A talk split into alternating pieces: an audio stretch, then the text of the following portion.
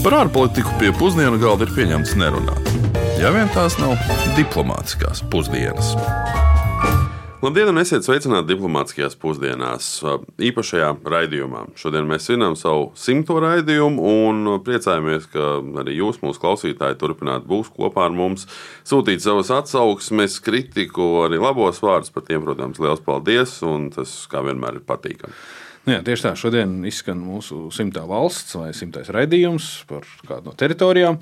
Apvienoto Nāciju organizācijas dalībvalstu sarakstā, kā mēs esam jau sen, sen, sen, sen apakaļ minējuši, ir 193 valsts, un vēl divas ir novērotāju valsts. Nu, tas nozīmē, ka esam vairāk nekā pusi pasaules valstu jau aplūkojuši, un ņemot vērā, ka ir daži bonus bijuši, piemēram, Antarktīda, tad mūsu gala skaits valstīm, kuras aplūkosim, būs 200. Nu, ja vien, protams, jūs klausītāji un arī radio vadība būs tikpat entuziastiski par šo, kā mēs esam.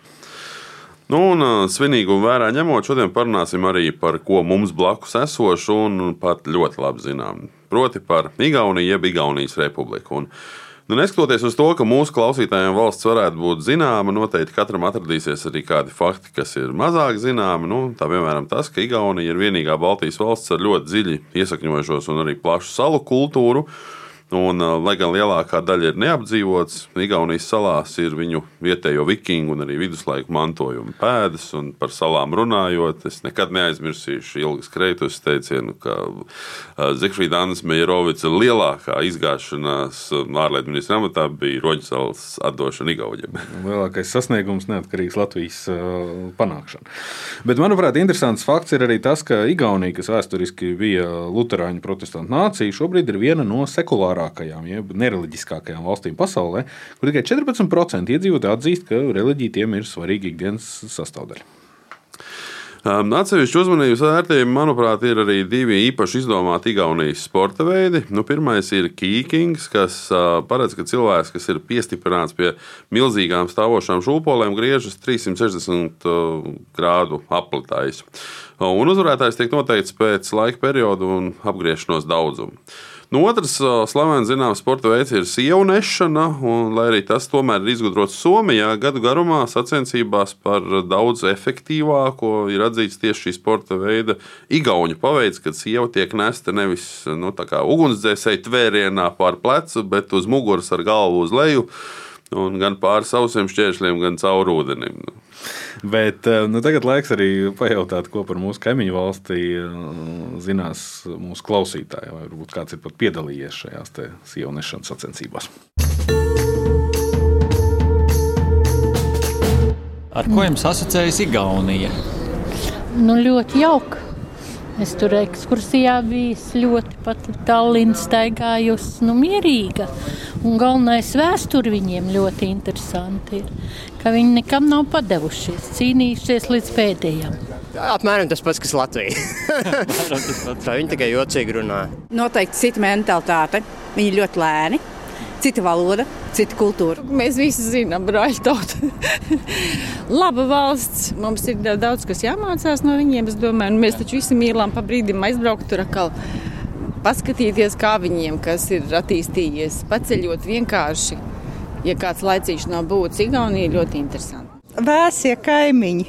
Tas nozīmē, ka viņi arī mierīgāk uztver daudz ko nekā mēs varbūt. Mēs pa lēnu, viņi pa viņi vēsāk. Bet drusciņi varbūt pārāk digitāli. Nu, man atkal ir jāatzīstās grēkā, ka es Igaunijā nu, kopumā esmu bijis ļoti maz. Nu, ja neskaita, varbūt. Daudz to neuzskatīs par grēku. Jā, jā ja, daudz, ja neskaitās daudzās peipos makšķerēšanas reizes ziemā. Bet nu, ir diezgan interesanti klausīties, ko mūsu cilvēki saka par Igauniju un tās iedzīvotājiem. Un, un, un vienmēr gribas domāt, ka arī par mums Igauniem noteikti ir ko teikt. Tāpēc Peipus ezeram, Peipus ezera saistībā ir viens interesants fakts, ka tur ir atļautais ātrums ziemā braukšanai pa ezeru ir ne mazāks par 25 km/h un ne lielāks kā 40 km/h. Respektīvi, tu vari braukt pa ezeru, bet šajā mazajā amplitūdā. Bet uh, par stereotipiem un uh, aizspriedumiem un uh, domām par kaimiņiem runājot, noteikti, ka par sešiem pirkstiem, kas mums esot latviešiem, būtu noteikti Igauniem ko teikt. Nu, skaidrojums tur citu ir tāds, ka mums ir saīsinājums LV, nu, Latvijas valsts vai Latvijas starptautiskais saīsinājums. Un tas asociējas ar Līza Vārvas, kas nozīmē sastais pirksts cigāņu valodā. Nu jā, tas plaši zināms ir Igaunijas joks. Tomēr Stāstot par Igauniju, nu, protams, nevar nerunāt par tās plaši zināmo e-Igaunijas zīmolu, nu, vai, ja tā var teikt, nu, brendu. Un tas attiecas gan uz Igaunijas progresīvo digitalizāciju, gan uz inovatīviem digitāliem risinājumiem, gan uz to, kādu identitāti valsts sev ir radījusi. Nu, tā, piemēram, Igaunija bija pirmā valsts pasaulē, kas 2005. gadā ļāva saviem pilsoņiem balsot vēlēšanās tiešsaistē. 95% nodokļu deklarācija tiek aizpildīta tiešsaistē, un ir arī radīta vide, lai uzņēmumus varētu reģistrēt dažu minūšu laikā, protams, tiešsaistē. Nu jā, um, e-zīmoks ir redzams daudzās vietās. Tā, piemēram, Igaunija bija pirmā valsts, kas uh, ieviesa e-rezidents, respektīvi datu bāzi un veselu programmu ārzemniekiem, lai tie kļūtu par Igaunijas virtuālajiem iedzīvotājiem.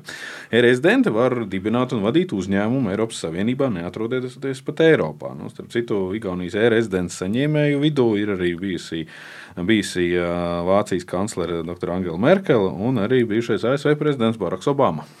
Jā, valsts bieži vien tiek reklamēta kā digitāli visattīstītākā sabiedrība pasaulē. Nu, daudz zinās, ka tāds uh, daudziem lietots uh, pasākums kā Skype arī tika radīts Tallinā. Uh, valstī ir daudz jaunu, veiksmīgu jaunu uzņēmumu, nu, piemēram, Teleport, tas ir programmatūra, kas aprēķina labāko darbu un dzīves vietu, TransferWise, naudas pārskaitīšanas risinājums, GrabCAD, kopienu 3D drukāšanas projektiem un tā tālāk. Nu, kopumā Igaunijā ir aptuveni 400 jaunu uzņēmumu, un tāpēc valsts lepojas ar augstāko jaunu uzņēmumu uz iedzīvotāju skaitu attiecību Eiropā. Jāsaka, Skype dibinātāji tomēr bija Dānis un Zviedrs. Tā bija arī viņa nauda. Bet uh, vairākiem Igaunijas inženieriem bija galvenā loma, protams, šīs pasaules slavenās, šobrīd Microsoftam piedalošās uh, video konferenču lietotnes uh, programmēšanai. Un tev papildinot, Igaunijas kopbraukšanas uzņēmums Bolt noteikti arī daudziem būs zināms. Tas ir nopietns konkurents Amerikas Uber un Dienvidu-Austrumāzijas Grab cīņā par, par, par līderību tirgu. Nu, pie mums gan laikam Bolts tomēr dominē. Ceļš kopš Jandeks vairs nav. Un tā kā šis ir īpašs raidījums, tad pēc komentāra mēs griezāmies arī pie kāda īpaša cilvēka un par to, kā tad Igaunija nonāca pie šī e-Igaunijas zīmola un zīmoga, un kā tas tapa. To mēs jautājām bijušajam Igaunijas prezidentam Tomasam Henrikam Ilvesam. I always thought that Estonia would, before Estonian independence, that given a chance um, to be in a. Vēl pirms Igaunijas neatkarības pasludināšanas es vienmēr biju domājis, ka gadījumā, ja Igaunijai tiktu dota iespēja izvēlēties un tai nebūtu jāpiedzīvo padomju militārā okupācija, Igaunija varētu veiksmīgi attīstīties kā liberāla demokrātija ar augstu preses brīvību un zemu korupciju. Taču no ārpuses Igaunija vienmēr ir uztverta kā digitāla valsts ar labāko kiber kiberdrošību Eiropā, viena no labākajiem pasaulē digitalizētajiem sabiedriskajiem sektoriem, kā arī augstāko tā dēvēto vienradžu skaitu uz vienu iedzīvotāju pasaulē. Līdzīgi kā citas valstis, arī Igaunija savulaik mēģināja slēgt līgumus ar kaut kādām kompānijām, kurām bija mērķis izstrādāt kaut kādu valsts atpazīšanas zīmolu, kuru virzīt tālāk. Es pat savulaik rīkoju lekciju šiem cilvēkiem un teicu, klau, veiksmes stāsts ir mūsu acu priekšā. Jūs te runājat par kaut kādu pozitīvu transformāciju, taču mūsu veiksmes stāsts ir digitālajā jomā un tieši ar to mūs visā pasaulē pazīst. Tas ir tieši mūsu acu priekšā, un mēs to nereklamējam. Tagad mums nekādi jauni zīmoli nav nepieciešami, jo mums ir šī digitālā lieta. Taču sākotnēji tā pilnīgi noteikti nebija kaut kāda apzināta digitālā brenda virzīšana. Es nezinu, vai var teikt, ka šis ir bijis pilnīgs veiksmes stāsts, taču šāda sistēma darbojas labāk nekā jebkur citur pasaulē. Un to nesaku es. Paskatieties uz cipariem. Ja jūs paskatīsieties Eiropas komisijas analīzi, mēs esam pārliecinoši labākie sabiedriskā sektora digitalizācijā, labākie kiberdrošībā Eiropā un trešie labākie pasaulē. Ja jūs paskatīsieties uz vienreģiem, jeb kompānijām, kas ir vismaz miljardu vērtas, mums tādu pašlaik ir 12. Tas ir viens uzņēmums uz 100 tūkstošiem cilvēku. Nākamajā vietā ir Izrēla ar vienu vienradzi uz 600 tūkstošiem, Un tas nav tikai mūsu pašu novērtējums vai sasniegums tam, ka mēs šo ideju virzām uz priekšu. Tie ir neatkarīgi izvērtējumi no ārpuses.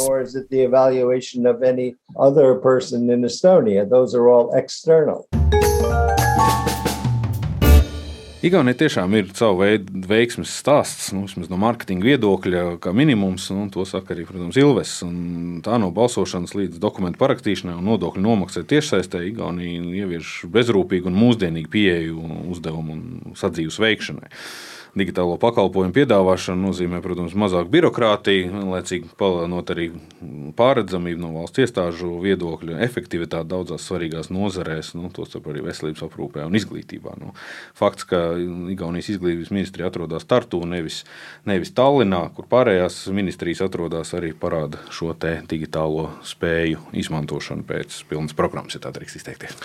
Nu, tagad laiks, protams, parunāt arī par ekonomiku. Un, uh, Igaunija vienmēr ir tā valsts, kur mēs nedaudz apskaužam, jo viņi vienmēr mums ir priekšā un, un, un tā tālāk, un mums bija patīk pačīkstēt.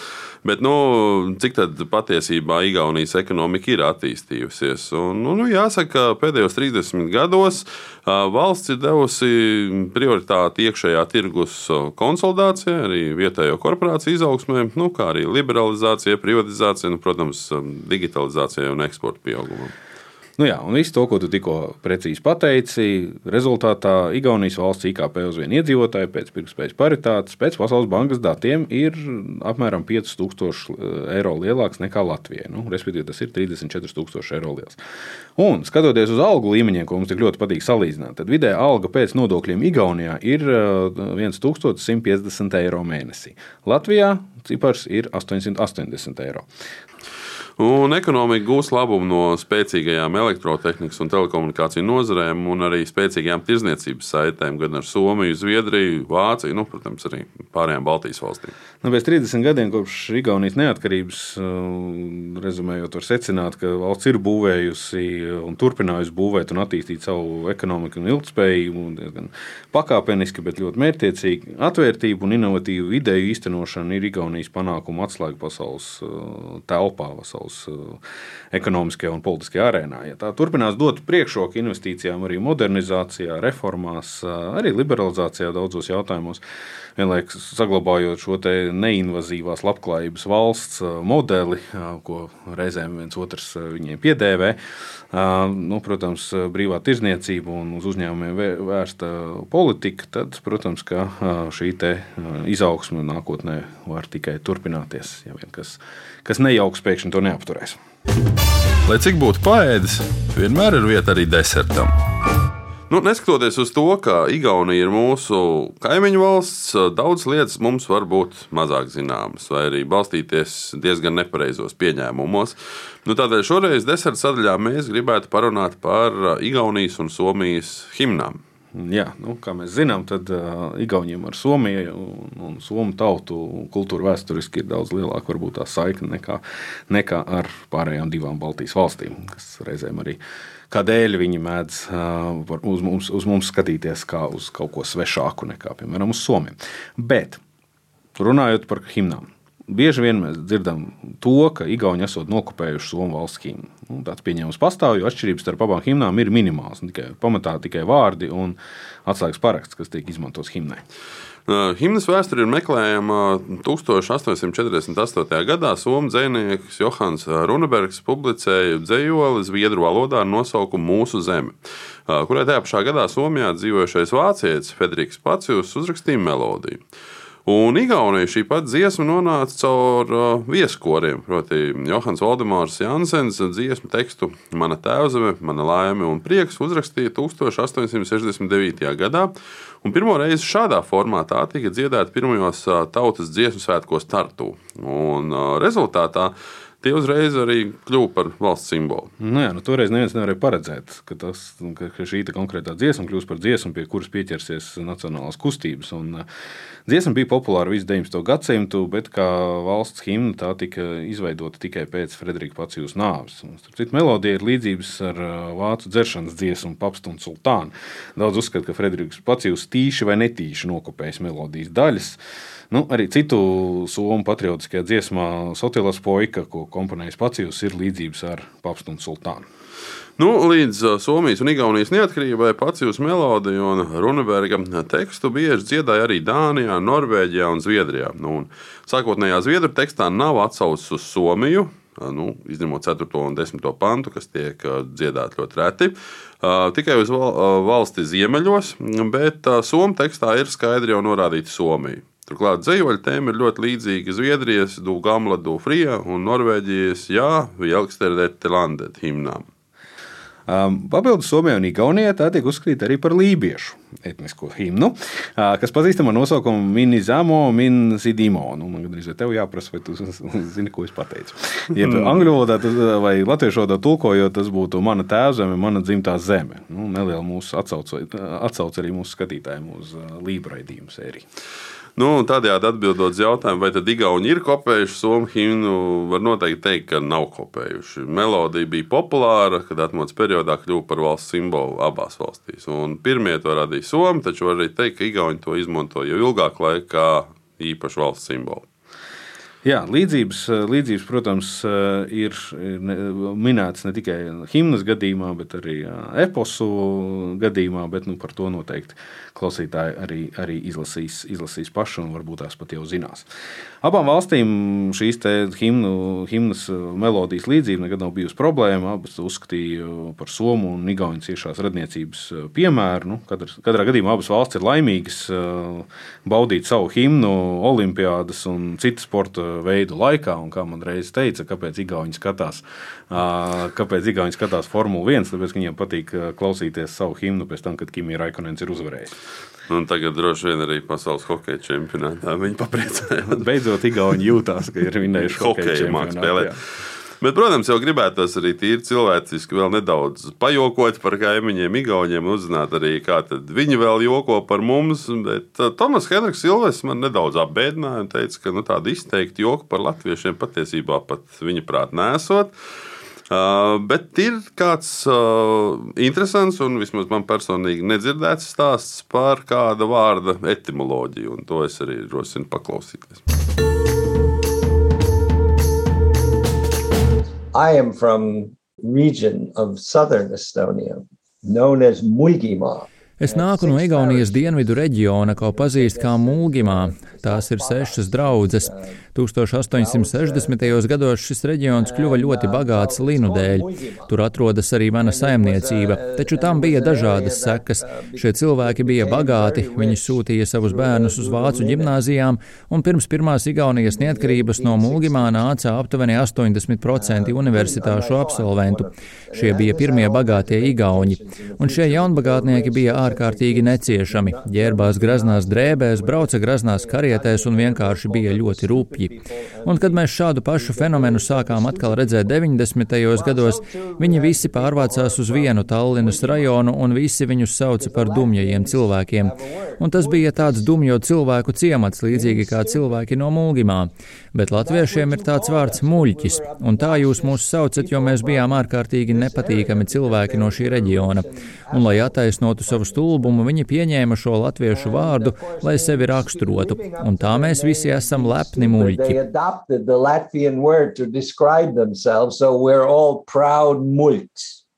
So Nu, tagad arī laiks noslēgt mūsu simto raidījumu, un um, nākamajā reizē jau mēs dosimies nedaudz tālāk par Bolderāju uz Paragvaju. Atgādināšu tikai, ka mūsu raidījums, kā vienmēr, ir klausāms uh, Latvijas Rādio mājaslapā, jums pieejamajos un uh, mīļākajos uh, podkāstu straumēšanas rīkos, arī jaunajā Latvijas Rādio lietotnē. Ar jums kā alažs kopā bija Jūģis Lībijams, dr. Kārlis Bukovskis un raidījumu palīdzēja veidot arī Rihards Plūma un Aleksandra Palkova. Uz sadzirdēšanos! Lai izdodas! Diplomātiskās pusdienas katru otrdienu pusdienos Latvijas Radio 1.